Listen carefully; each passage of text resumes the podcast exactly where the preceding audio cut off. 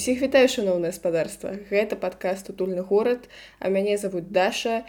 І сёння я вырашыла паразмаўляць пра гарадскія легенды гарадскі фальклор. І мне падалося, што будзе ну прынамсі даволі каламбурна паразмаўляць пра легенды з легенды. І я запрасіла спадара Яўгена Аснарэўскага, якога ніхто ніколі не бачыў і я яго таксама не бачу, але вельмі прыемна што я яго прынамсі чую. Добрый дзень спадар Яўген. Вітаю спадарня Дар'я вітаю наших слухачоў. Я мяркую добры такі шлях каб даведацца хто такі аснарэўскі гэта пагугліць і пачытаць маю старонку у вкіпедыі каб выясніць што я шмат усяго насамрэч та пісьменнік гісторык музыка мастак дызайнер і палімат это такі універсальны творцы універсальны гені ну напрыклад як Леонардо да Вінчы на яшчэ вельмі сціплы чалавек як мы зразумелі. А насамрэч прыемна паразмаўляць з краязнаўцам пра гарадскія легенды таму што звычайна краязнаўцы распавядаюць такіх легенд даволі шмат.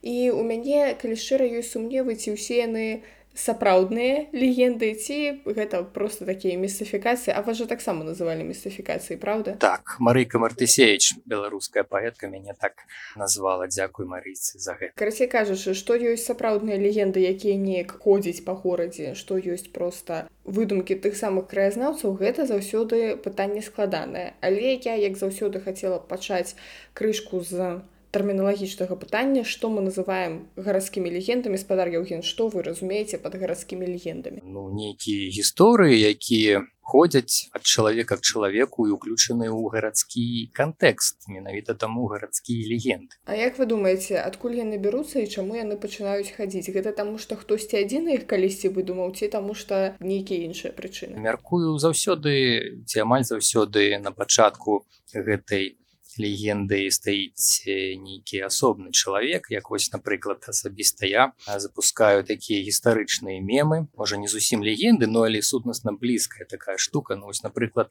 што у фарным касцёле гародні адзін з найбольш высокіх барочных алтароў Еўропы вот такая даволі вядомая штука і калі пагугліць гэтую фразу можна убачыць што у шмат шмат дзе выкарыстоўваецца. Бок яна ўжо разышлася так шырока дастаткова нулі она попросту нарадзілася ў маёй галаве потым я ее верыфікаваў і прадставіў вось так. Нейкая одна асоба запустила такі гістарычны мемы і прыкладна такая ж сітуацыя мяркую і з гістарычнымі легендамі А насамрэч вось вяртаючыся да гэтага барочнага алтара ёсць нейкая статыстыка каб хтосьці мераў тыя барочныя алтары праводзіў статыстыку і так у гродні сапраўды самы адзін з самых высокіх. Канешне ёсць. Ёсць напрыклад там дадзеныя канкрэтна па гэтым алтары але заўсёды ўсё трэба правяраць. Ну прынамсі я так раблю. Тут я правяраў гэтай дадзеныя былі да мяне 21 метр вышыня. Потым я паглядзеў публікацыі наконт самых высокіх алтароў Еўропы вядома не ўсіх таму менавіта сказано што адзін з самых высокіх бо гэта такое дастаткова шырокае поле атрымліваецца не не самы высокі бо ну у Еўропе тысячы ці сколькі там десяткі тысяч алтароў і вельмі сумніўна што хтосьці прям прааналізаваў усе гэты алтар то бок атрымліваецца што гэтая легенда ці мем ці што заўгодна ўсё ж такі з'явілася на нейкай гістарычнай падставе. Але ж бываюць гарадскія легенды якія ўзнікаюць проста на пустым месцы. Я магу прыгадаць гісторыю з майго роднага гораду у маім родным мястэчку была такая закінутая прачачная старая значыць з забітымі вокнамі ўсё як трэба і у нас у дзяцінстве ў двары хадзіла легенда пра тое што там кагосьці забілі про тое что там кагосьці забілі на другім паверсе там доўгі час ляжаў труп і штосьці вось такое каля містычнае каля гэтай прачачнай вырабляецца там нейкія прывіды ходзяць. Ну потым канешне высветлілася што нікога там не забівалі. Як высветлілася? Просто мы запыталі ў бацькоў а что там было ў гэтым дзіўным будынку значыць з закалочнымі вокнамі і бацькі просто адказалі да прачачная была а там забівалі кагосьці. Не ніколі там нікога не забівалі. Адкуль гэта ўзялася? Ну быццам бы просто з фантазіі дзяцей якім было прышпільна містыфікаваць усё што знаходзіцца вакол іх. Скажитеце калі ласка ці можете вы прыгадаць якія-небудзь такія грудзенскія легенды якія відавочна нарадзіліся вось просто з пустога месца просто таму что ну фантазія багатая ў народа. Ну можа прывіт у тэатры лялек тэатры тысенгауза які насамрэч ніякога не тысенгауза а станіслава панятоўскага пляменніка караля станіслава августа панятоўскага ён пабудаваў гэты тэатр Ну так я мяркую неяк лагічна што не прывіда там не было і гэта такая фантазія менавіта часцяком журналістаў ці якія робяць нейкі такі там матэрыял па тэме ну ці можа нейкіх людзей там актораў які там працуюць штосьці такое. Ну вось мне такое прыгадалось дарэчы чаму тэатр называется тэатрам тазенгауза калі ён насамрэч тэатр панітоўскага? Ну, такая памылка гісторыкаў гістарычны міф якіх насамрэч у гістарычнай навукі вельмі шмат. Напрыклад што новоградак быў сталіцай великакняства літоўскага і гэтак далей. І гэта ўсё можна нават трэба выкрываць. І асабіста я гэтым і займаюся таму мяне шмат якія гісторыкі не любяць бо я іх карэктна крытыкую і показываю на памылкі. Ну вось давайте гэтым і зоймемся наконт таго ж тэатру тызенгауза можете зараз прыгадаць гісторыю адкуль гэты зноў жа мем гістарычны пайшоў што гэта менавіта тэатр тызенгауза Ну была відавочна нейкая публікацыя так навукоўца складана казаць якая менавіта у якім году. Відавочна што нейкая павінна была быць публікацыя і гэта папросту казалася лагічным бо тызенгауза насамрэч быў тэатр і даследнік які запусціў гэты міф ён не ведаў што менавіта будынак тэатра быў пабудаваны трохі пасля тызенгауза бо тызенгаус уже быў у апале уже быў адсунуты ад сваіх пасадаў і менавіта пляменнік караля пабудаваў гэты будынак. То бок у прынцыпе калі не ведаць гэтае ведаеце як у ланцужку звіно якое пасярэдзіне пра тое што там племеннік караля і тэатр то ў прынцыпе ўсё лагічна складаецца кшталту тызенгаусу тызенгауза быў тэатр і вось мы ўжо ў грудні бачым нейкі тэатр відавочна гэта тэатр тызенгаус так менавіта так і ёсць я мяркую. Што з наваградкам дарэчы? Вось мне падаецца зараз мы збярэм пэўную колькасць каментароў под нашим падкастам чаму ён не быў сталіцай вКл. Наваградак папросту нейкія дакладныя звесткі гістарычных летапісаў не ўказвае тое што ён быў сталіцай больш за тое гэта выглядае прыміндоўгу менавіта. Больш за тое гэта выглядае ну вельмі малаверагодна што там літоўскія кунігасы якіх завуць чамусьці угняздзіліся ў гэтым наваградку потым аддалі яго назад валынцам справа ў тым што ёсць легендарныя звесткі тым што да пытання легендаў ёсць легендарныя звесткі што наваградак быў сталіцай але у гістарычнай навуцы ёсць такі падыход што вы павінны абапірацца калі вы займаецеся менавіта навукай абапірацца менавіта на дакладныя крыніцы якія лічацца дакладнымі ну ці по-руску кажучы даставерныя ну найперш сучасныя падзеям такія крыніцы там можа 16 стагоддзя дзе там расказваецца про тое что літоўскія князі паходзяць там ад нейкіх перабежчыкаў з рыма і іншыя такія легенды. І вось там таксама могуць быць нейкія згадкі пра наваградак як пра сталіцу ну і канешне гэта несур'ёзна скажем. Я ўвогуле чула такую гіпотэзу скажем так ад літоўскіх даследчыкаў што гэта блытаніна паходзіць ад таго што там па-літоўску наўгардук новы горад і як бы і вось наваградак а меўся на увазе не наш наваградак а ў прынцыпе нейкі новы горад. І нешта праз такую блытаніну атрымліваюць усе гэтыя непаразуменні. Ну але не. Менавіта легенда пра наваградак як пра сталіцу ідзе ад можна нават лічыць у гістарычнай бо яна зафіксавана ў гістарычных летапісах запісах але ну пазнейшых то бок яны недаставерныя но але тут справа не ў тым что там нейкая не такая назва ці штосьці такое. Гэта папросту гісторыкі яшчэ 16-17 стагоддзя они пісалі вось гэтыя матэрыялы пісалі свае нейкія летапісы собирали больш раннія звесткі але собирали яны іх так что дадавалі уласную некую фантазію ну і вось у них такое атрымлівалася як бы збор дадзеных з дакладных летапісаў якія нам зараз вядомыя частка. Частка не бо яны маглі карыстацца нейкімі крыніцамі якія не дайшлі до нашага часу.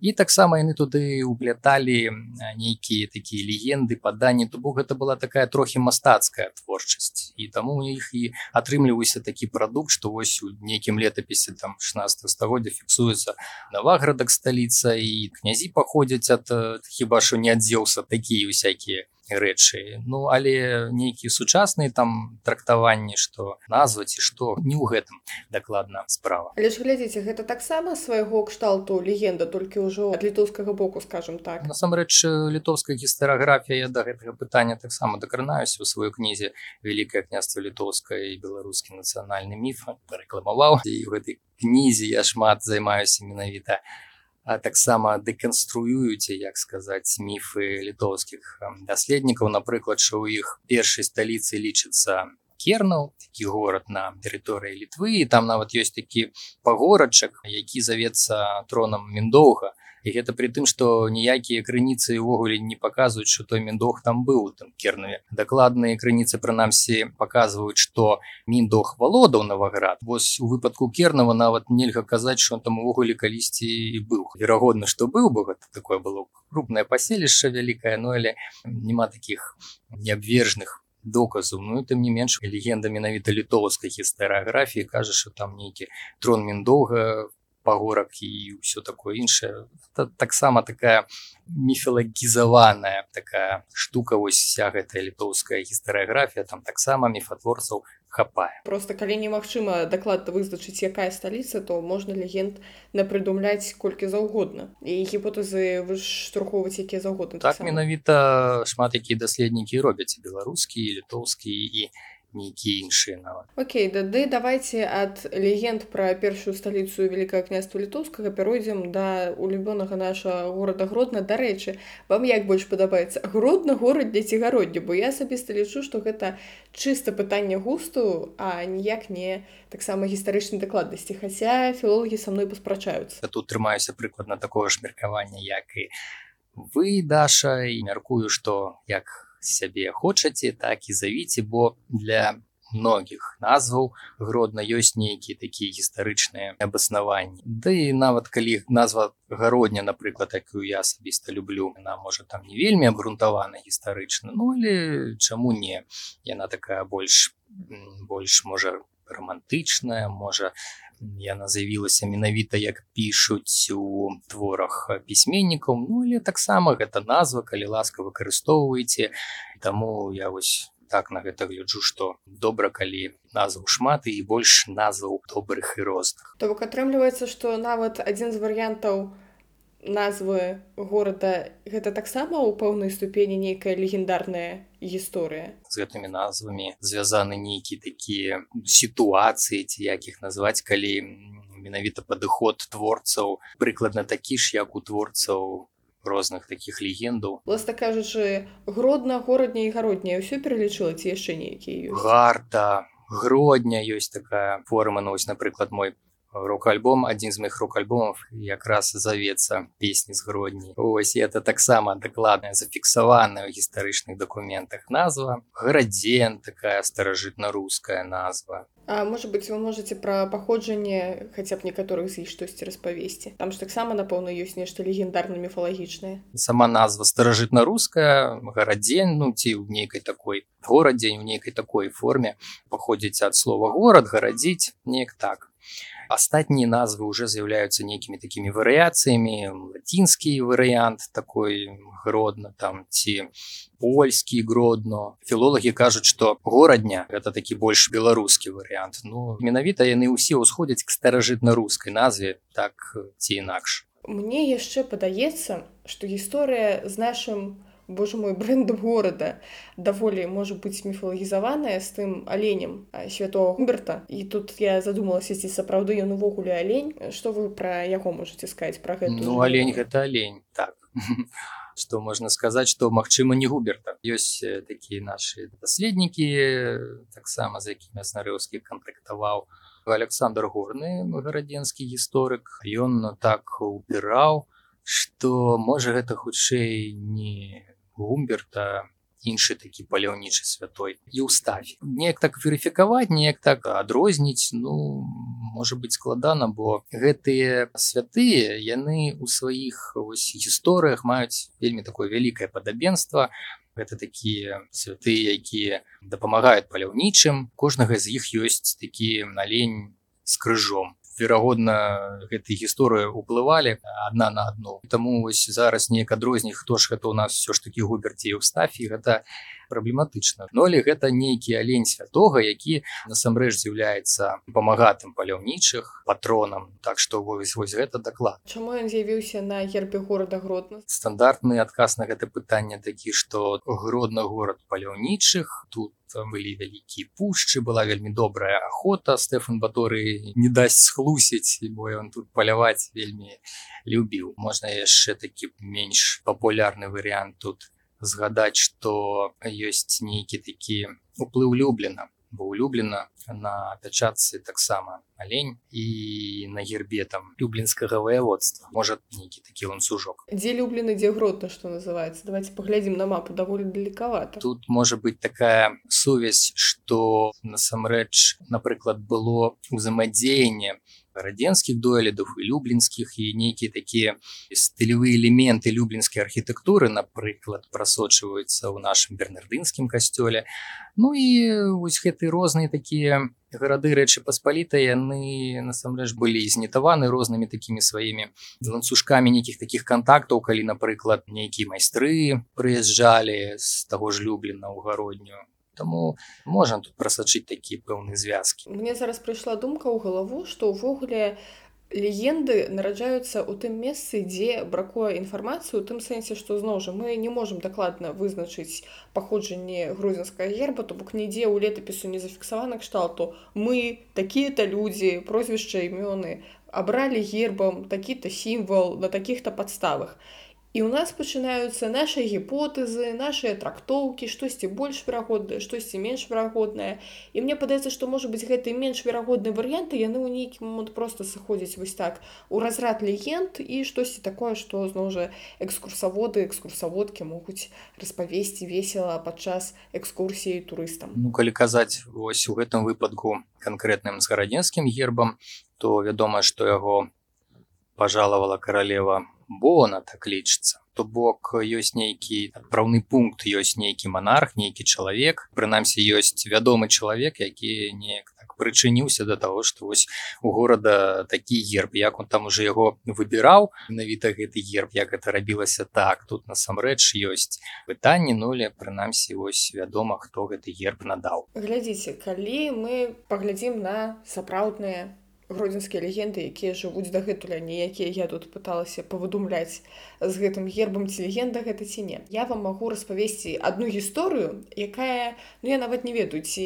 лічыцца яна легенда вось вы мне з гэтым дапаможаце. Калі я прыехала вучыцца ў гродна на першы курс мне адразу расказалі гісторыю пра нейкую жанчыну сталога ўзроста якая ездзіць па маршруце вішнявец цэнтр недзе так там першы аўтобус восьмы аўтобус вось недзе там яна катаецца і ў яе відавочна нейкае псіхічнае захворванне і перыядычна яна пачынае там выкрыкваць нейкія непрыстойныя рэчы на ўвесь аўтобус і гэта можа зацягнуцца на увесь маршрут калі ніхто яе не супакоіць раптам вось такую легенду мне расказалі І справа ў том, што я часу да часу таксама ездзіла на гэтых маршрутах і ні разу мяне лёс не звёў з гэтай жанчыны. Хаця мне распавядалі, што проста вось рэгулярна мы яе бачым кожны дзень. Потым мне пачалі распавядаць, што гісторыя пра такую жанчыну не адзіная, ёсць яшчэ такі мужчына таксама далёка пенсійнага ўзроста, які катаецца на нейкім тралейбусе і таксама ён можа пачаць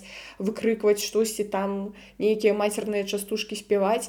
І я прызадумалася ўвогуле наколькі гэта рэальныя людзі? Ці вось гэтая гісторыя пра нейкага вясёлага сталога чалавека з яўнымі псіхічнымі захворваннямі які спявае мацерныя песні катаючыся па поўных маршрутах можа гэта таксама можна аднесці да разраду легенд калі мы не знаходзім ім пацверджання? Я мабыць тут звярнуся да сваей другой асноўнай спецыяльнасці менавіта псіхалогіі гэта даволі такое стандартныя такі даволі паводзіны для людзей напрыклад з шизоіднымі захворваннямі калі ўжо такі дастаткова моцны дэфект псіхікі ў іх моцна хворыя псіхічна людзі яны крычаць у транспарце і у мяне ось такая соседка напрыклад ёсць галюня. Цалкам згодна што гэта можа быць і пра ўсякіх там сіндромах гэта здараецца але вось гэта менавіта што зваць іх баба галя ці баба клава ці ездзіць яны вось менавіта па такіх маршрутах а спяваюць яны менавіта такія песні мне падаецца вось гэта той самы момант калі ты сапраўдная гісторыя чалавека просто з псіхічным захворваннем пераўтвараецца вось у такую гарадскую легенду. Я бы тут прыгадаў выпадку гародні Мабыць такога таксама не вельмі здаровага чалавека якога звалі люцік ці лютак это быў такі ну дастаткова папулярны персанаж у гарадзенскім легендарыуме ці як. Да гэтага часу яго яшчэ ўспамінаюць і насамрэч памятаюць. Я нават прыпамінаю што бачыў яго пару разоў. Нават яго звалі коля оля кажыць неяк так. Ну але я яшчэ быў зусім малы. Ты не менш памятаю вось гэты вобраз. І таму такі вобраз гарадскога вар'ята ён не можа неяк укараняцца ў гарадскім фальклоры і гэта такі адзін ну можа нават з папулярных шляхоў для легендатворцаў які легендарызуюць і персонажы гарадскіх таких нетыповых людзей. А скажите калі ласка вось про гэтага гаспадара люціка ён чым быў выбітны пра яго што распавядалі? Калі прыпомніць напрыклад що яго было вельмі шмат грошай такі дастаткова стандартны патэрн калі гаворка про жабракоў людзям заўсёды неяк так хочацца ім прыпісаць што вось яны там жабруюць і нажабравалі сябе на златы замак я памятаю у нас таксама былі суседзі якія ну ведаеце гэты архетып вельмі не пажылога ўжо чалавека які заўсёды ходзіць у адным і тым жа нейкім ватніку і штанах і ўзімку і ўлетку і вось ён заўсёды ў адной і той жа прануты там апошнія 20 год. Пра яго таксама у нас хадзілі легенды пра тое што там напэўна яшчэ пад полам царскія чырвонцы ці штосьці такое у нясметнай колькасці Таму што ёсць такое адчуванне што калі чалавек выглядае ну вось вельмі сціпла то то быццам бы у яго мусіць быць сапраўды пад полам нейкія залатыя запасы. Дарэчы, пасля смерці гэтага няшчастага суседа ніякіх залатых запасаў у яго чамусьці не знайшлі. Можа быць просто занадта добра схаваў. Это вось пэўныя такія шляхі чалавечай фантазіі, калі прыпісваецца такое штосьці пад пэўнай патэрны падганяецца і канешне, можа стварэнне такіх легендаў больш кажа не пра сам персонаж як это не дзіўна а пра тых людзей якія ствараюць гэтай легенды. Я да чаго вяду ўсё ж такі у нашым гарадскім фальклоры падавалася гарады ўсе розныя. Усе персонажы ў гэтых гарадах таксама розныя. Але вось гэтыя архетыпы нейкага жабрака у якога насамрэч под полам залатыя чырвонцы ці нейкага вар'ята які значыць спявае песні і вы можете яго сустрэць вось па пэўных маршрутах гэта як быццам бы такія штампы якія можна знайсці шмат у якіх гарадах. Можа быць вы можете прыгадаць тады якія-небудзь больш старыя гродзенскія легенды якія таксама падпадаюць пад нейкія вось штампы што было ў нас ці ёсць у нас і было ў іншых гарадах і ў іншых эпохах. Падземныя хады дзе схаваныя скарбы. Вось мне падаецца гэта настолькі распаўсюджаная гісторыя. У кожным горадзе есть гісторыя пра тое як ад касцёлы вядзе нейкі падземны ход кудысьці там скарб. Ну я таксама сказаў што вось гэтыя падземныя хады гэтыя всякие такія лёхі гарадзенскія на адна з найбольш папулярных гарадскіх легендаў хаця канешне нейкіх такіх даследаванняў які пацвердзяць гэтыя такія дапушэнні няма нулі тым не менш. Падзямеллі угародні ў пэўным сэнсе насамрэч ёсць. Гэта лёхі пабудоў якія былі пабудаваныя калісьці напрыклад у той прасторы зараз савецкая плошча бо там былі насамрэч велізарныя всякие такія будынкі напрыклад палац ардзівілаў фасад якога галоўны цягнуўся у даўжыню больш чым на 80 метров і гэта быў адзін з такіх самых вялікіх палацаў радзівіла ўвогуле у вКл. Паведна там былі вельмі вялікія падзямеллі войны можа не зусім цалкам нулі у значнай ступені захаваліся под гэтай плітачкай тротуарнай калі мы кажам про такія нейкія яркія легенды что можа там нейкі подземны ход вялікі там шматкіламетровы то канешне для такого можа паднеманым ідзе вось такое можна пачуць для такого канешне нейкіх таких абгрунтаванняў гістарычных няма но хто ведае можа калісьці штосьці такое і адшукаюць. Дарэчы вось гэтая гісторыя про тое что под рэчкай ідзе нейкі падземны ход вось заўсёды яно чамусьці под рэчкай і часта гэты падземны ход быццам бы звязвае які-небудзь касцёл і маёнтак панскі і паміж імі ход і яшчэ там можна знайсці нейкі скарпі вось гэта ўсё. Ну гэта таксама нейкі такі паттерн які паўтараецца. Скажитеце калі ласка ёсць у вас які-небудзь яшчэ топ-5 грозенскіх легенд якімі вы маглі б зараз падзяліцца і распавесці чаму менавіта яны вам так падабаюцца? Легенда номер один гэта то што снарэўскія жанчына і выкарыстоўвае нейкія там прылады каб змяняць свой голас нейрасетку ці штосьці. Канешне гэта вельмі такая легенда вузкага кола людзей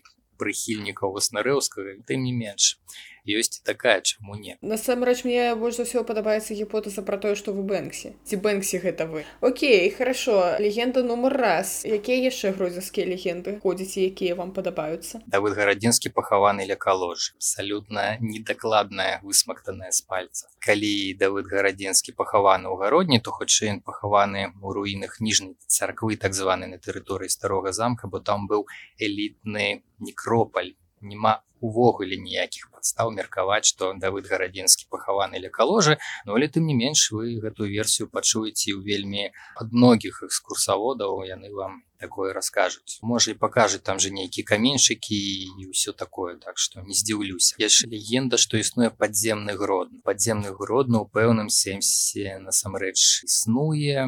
Гэта падзяменлі вялікіх будынкаў ты сутарэнні знакамітай фары вітаўта павінны былі захавацца у значнай ступені ну але таких нейкіх легендаў пра можа нейкія кіламетровыя хады падземныя канешне ёсць гэтыя легенды нуля яны не маюць такога нейкага абгрунтавання гістарычнага зразумела. Ёсць у вас гіпотэза адкуль яны тады ўзяліся калі няма ніякага гістарычнага абгрунтавання просто за кошт таго што ёсць вось ёсць некая невялічкая сістэма гэтых падземных лёхаў то адтуль гэта ўсё ідзе можа гэта таксама дыктуецца чалавечай бачыць неяк фантазіраваць на нейкі такія тэмы чагосьці містычнага загадкава вось хочацца каб падзямелі гэты былі штосьці там под зямлёй было. Ну, напрыклад ці падземны горад як вось у выпадку прывалкі напрыклад недалёка ад гродна такі населены пункт. Прыгожая легенда што праваліўся цэлы горад под зямлю ну ці более такі просты варыянт гэта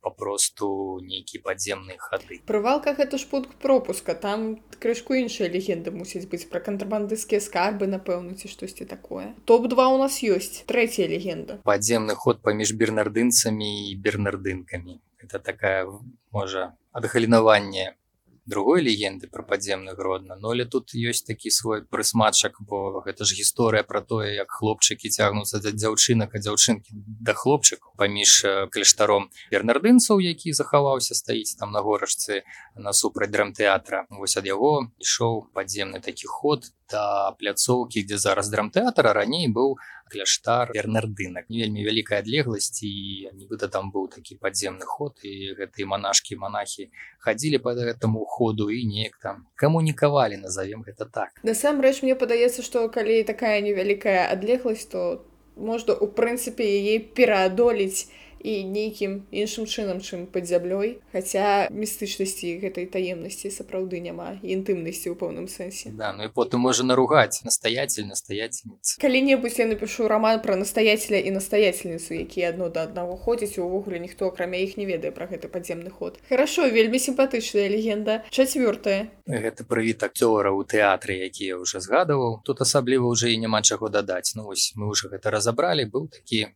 акцёр нібыта сэнсе быў канешне ніколі не было но але легенда кажа што быў акцёр які ці то там за каханне ці яшчэ што неяк там памёр і карацей ёсць яго прывіт такая даволі стандартная легенда якіх поўна ў розных еўрапейскіх гарадах ну а пятое гэта што стэфана баторы анатаміравалі ў баторыўцы так званы але не батурыўка як у наш час уже лічаць добрыя даследчыкі яшчэ не была пабудавана. Ну дакладней там маглі быць нейкія пабудовы якія потом уключылі ў гэты будынак баторыўкі насупраць езуіцкага касцёла. Ну але так наогул баторыўка гэта палац казіміра сапеі у 17 стагоддзе пабудаваны і потым прыстасаваны ў 18 стагоддзе пад каралеўскі палац Таму баторыю які тут жыў у 16 стагоддзе неяк месца і не знаходзіцца А баторыўка гэта маецца на ўвазе тое што зараз скажем так корпус аддзялення медычнага універсітэта я слушна разумею? Так ну такі пабудова на пачатку вуліцы Карла маркса насупраць езуіцкага касцёла. Такі дамок. Это толькі трэць прыкладна ад таго аб'ёма які баторыўка мела і гэта быў шыкоўны такі вялікі палацу с унутраным дваром каланадамі. А унутраны двор гэты быў не менш чым двор старога замка і там была сеймавая заля адмысловая. Все было шыкоўна ну але але зараз няма. Сімпатычная легенда насамрэч но гэта з катэгорыі калі у нас ёсць якая-небудзь медычная установа то суадносна там мусілі каго-небудзь анатэміяваць каго-небудзь аперыраваць і ўсё астатняе тому что ну як жа гэта яна ж ёсць значит там мусіць нешта такое адбывацца. Окей наступная легенда. У гродні існаваў замак крыжакоў нюгартен ці нойгард і гэта чамусьці падаецца як легенда ну часам яшчэ штось такое дадаецца що гэты замак патануў ці вось з гэтай оперы. Ну, гэта ўвогуле не легенда гэта абсалютна дакладныя звесткі з дакладнага летапісу і насамрэч замак крыжакоўную гартын існаваў. Калі вітаўт быў і хаўруснікам крыжакоў а ён дазволіў ім збудаваць замак таму што ён увесь час мятаўся ад аднаго саюзніка да іншага потым ён прымірыўся са сваім братам ягайлы адпаведна замак крыжакоў гэты ну і гартыны яшчэ адзін каля коўна папаліў. Можа тут толькі дыскутаваць дзе ён знаходзіўся. Ну, напрыклад ёсць гіпоцеза што на месцы францысканскага кляштара там якраз на горашцы добра бы стаяў замак. Ну, але вось, вось гэта якраз невядома. Ну, але то що нейкі замак крыжакоў быў гэта дакладны гэта ніякая не легенда но чамусьці падаецца як легенд наступная гэта скульптуры сфінксаў з новага замка на на браме новага замка. Ёсць такія скульптуры сфінксу на якіх сядзяць такія анёльчыкі путці яны называюцца. І нібыта гэтай сфінксы адлюстроўваюць аўгаста трэцяга караля і яго жонку марыю не вельмі гэта ўсё падобна шчыра кажучы ці наогул не падобна. І такія скульптуры сфінксаў яны шмат дзе усталяваны ў шмат якіх барочных палацах. Напрыклад напрыклад ту палацу браніцкіх у беластоку у версалі адкуль пайшла такая мода даволі стандартная рэч для той эпохі вось гэтыя сфінксы і не яны ніякіх таких асаблівых там твараў каралеўскіх не маюць А вось гэта мне падаецца таксама даволі тыповая гісторыя для гарадскога ўсякага фальклору калі нейкія тыповыя слэш тыпавыя рэчы калі ім надаюцца нейкія дадатковыя сэнсы кшталту. Гэта не просто стандартны помнік леніну. Го нейкі такі выраз твару што ён быццам бы на кагосьці падобны. Наступная легенда гэта што брат наполеона жыром банапарт жыў палацы максімовича так званым. Такі будынак з калоннамі на жэшкі у стык з новым абалвыканкамам з гэтым велізарным будынкам у цэнтры. У стык з ім ёсць старэнькі асабнічок палацык максімовича пабудаваны на самом пачатку 19 стагоддзя. Ну, вось нібыта там жыў жыром банапарт брат наполеона банапарта ну калі яны ўвайшлі сюды з войскамі гародню ўвайшоў жыром банапарта не наполеон. Нібыта гэты жыром так забаляваўся з гарадзенскімі шляхцянкамі якія дарэчы маглі забаляваць бо ёсць такія ўспаміны мемуарыста охотскага конца 18 стагоддзя где вельмі так ярко распавядаецца что гарадзенскія шляхцянкі на балах хадзілі ну як сучаснай мовай кажучы топлес тому можа быть штосьці такое было і з гэтым жыромам ён самрэч на гэтых шляхцянах глядзеў глядзеў і нібыта спазніўся на вайну. Ну але канешне гэта легендарныя звесткі.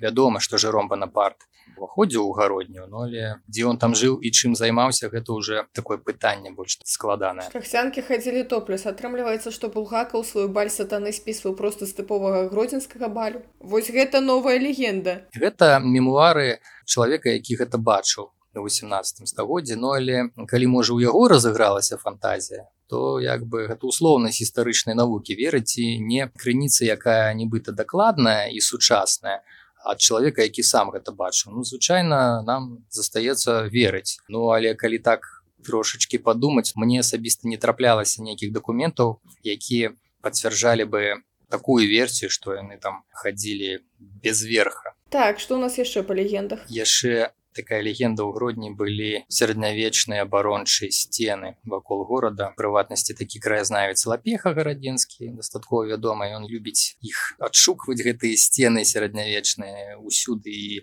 нейкія іх рэшткі ну але не няма такіх звестак насамрэч гародня мела брамы вежы праз якія можна было заязджаць у горад ну але некалькі парадаксальным чынам не мела муроў. Хаця у 17-18 стагоддзе зноў жа розныя такія варыянты ёсць гародню кружылі такімі бастыённымі умацаваннямі і рэшткі гэтых умацаванняў гэтай валы яны нават яшчэ прасочваюцца напрыклад у раёне старога фарнага цментара старого на антонова там такой рэльеф спецыфічны гэта якраз гэтыя такія рэшткі гэтых валоў но але нейкіх сярэднявечных сцены Мабыць усё ж такі не было. Ну і апошняя легенда так? Што раён палестына называется палестыны тому что там жыў ясер арафат такі палестинскі дзеяч.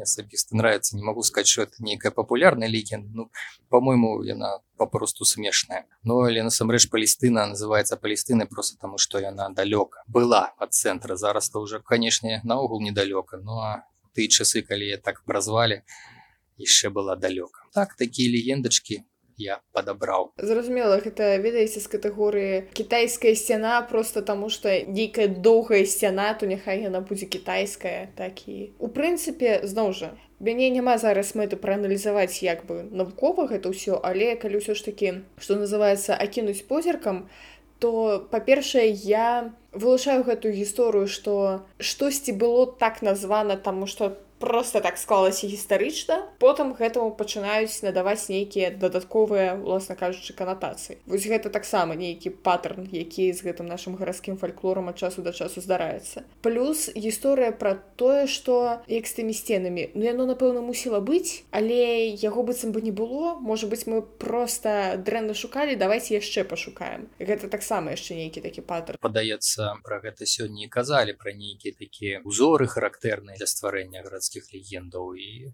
яны ёсць. Людзі маюць такую тэндэнцыю паўтараць пэўныя такія гісторыі прыдумляць нейкія падобныя. Ну таму так гэта неяк так функцыянуе. Добра давайте тады я у вас запытаю а на што гэты ўсе легенды патрэбныя вось так у шырокім сэнсе? Якая іхная функцыя ў горадзе? Я зараз нашай размову па-першае зразумела што патлумачыць нетлумачальнае напрыклад як з той жа палесцінай калі у нас няма дакладных сведчанняў а што чаму яно так называецца то давайте мы прыдумаем нейкі такі варыянт і будзем з яго цешыцца. По-другое мне падаецца што гэта нешта такое што несвядома але нас аб'ядноўвае як гродзенцаў кшталту. Гродзенцы гэта ўсе тыя пра каго можна сказаць гэты дзед люцік і ўсе больш-менш разумеюць пра што ідзе гаворка напрыклад. І ўсе пачынаюць прыгадваць нейкія такія смешныя гісторыі пачынаюць паспехаць такія да, да я ведаю што за люцік а людзі якія не згодны такія што пра што ідзе гаворка? То бок гэта такі нейкі аб'ядноўчы супольна ўтвараючы матыў Ну і канешне тое што экскурсаводы маюць што распавесці калі турысты ўжо занудзіліся глядзець на тую вашу калошскую царкву да царква да царква А ім скажы што а тут між іншым пахаваны Давід гарадзенскі усе неяк так прыабадрыліся ці дакладна наогуле казаць вось навошта. Навошта існуе сонца напрыклад ветер ну можа і гарадскія легенды гэта такое спараджэнне чалавечай прыроды бо ну, так чалавек жыве неяк міфалагізуе свет вакол сябе і стварае пэўныя такія гісторыі. Гэта могуць быць гісторыя рэлігійнага плана гэта могуць быць мастацкія гісторыі ў кніжках там раманы аповесці а могуць быць і гарадскія легенды фальклоры гэта такі цікавы момант які фіксуе напрыклад пэўныя такі патэрныя мыслення пэўных пакаленняў людзей. Мне падаецца што ўсё ж таки гэтая культурна гістарычная калі хочаце мастацкая каштоўнасць яна ўсё адно прысутнічае і нам людзям якія ўсё гэта даследуюць неяк гэта ўсё асэнсоўваюць ёсць у чым пакапацца і неяк больш асэнсаваць культурна-сацыяльны кантэкст жыцця ў гэтым горадзе і той як ён змяняўся менавіта праз легенду мне падаецца можна гэта рабіць. Таму что мне падаецца калі у вас на папярэдняй ітэрацыі вашага існавання была легенда пра нейкага жабрака у якога насамрэч прыхаваныя грошы недзе там а потым просто пра нейкую жанчыну якая спявае нейкія пахабныя частушкі ў транспарце Ну тут можна рабіць нейкія высновы і высоўваць нейкія гіпотэзы пра тое, а чаму ж у нас так змяняюцца гэтыя самыя персанажы, што змяняецца ў нашым мысленні суадносна. На заканчэнне можа быць вы маеце яшчэ штосьці сказаць нашим слухачам. хочацца сказаць чытайце добрыя кніжкі па гісторыі наогул напрыклад мае ну, дзіўна было б калі б я гэтага не сказаў што тычыцца некага гарадскога фальклору можа добрым такім шляхам будзе папросту назіраць папросту прымячаць гэтыя легенды неяк звяртаць на іх увагу бо гэта насамрэч можа быць цікава і карысна нават Увогуле мне падаецца, што легенды гэта у тым ліку тое, што робіць наше жыццё больш разнастайным і цікавым. І увогуле файна і добра глядзець на свет з такога містычнага пункту гледжання, канешне, калі з гэтым не заігрывацца. Мушу сказаць шчырая дзякую шаноўныя слухачы слухачкі, што даслухалі наш выпуск да канца трэба зараз падпісацца, паставіць лайки, зорачкі, усе астатнія прыемныя знакі спадар Яўген ці трэба падпісацца на якія-небудзь вашыя старонкі, рэсурсы, што-нибудь такое. я ў асноўным так прысутнічаю у фейсбуке дзе не так шмат харадзенцаў ёсць таксама нстаграм Усе спасылкі будуць і хутка мы з вами пачуемся. Обязаны оплатить проезд.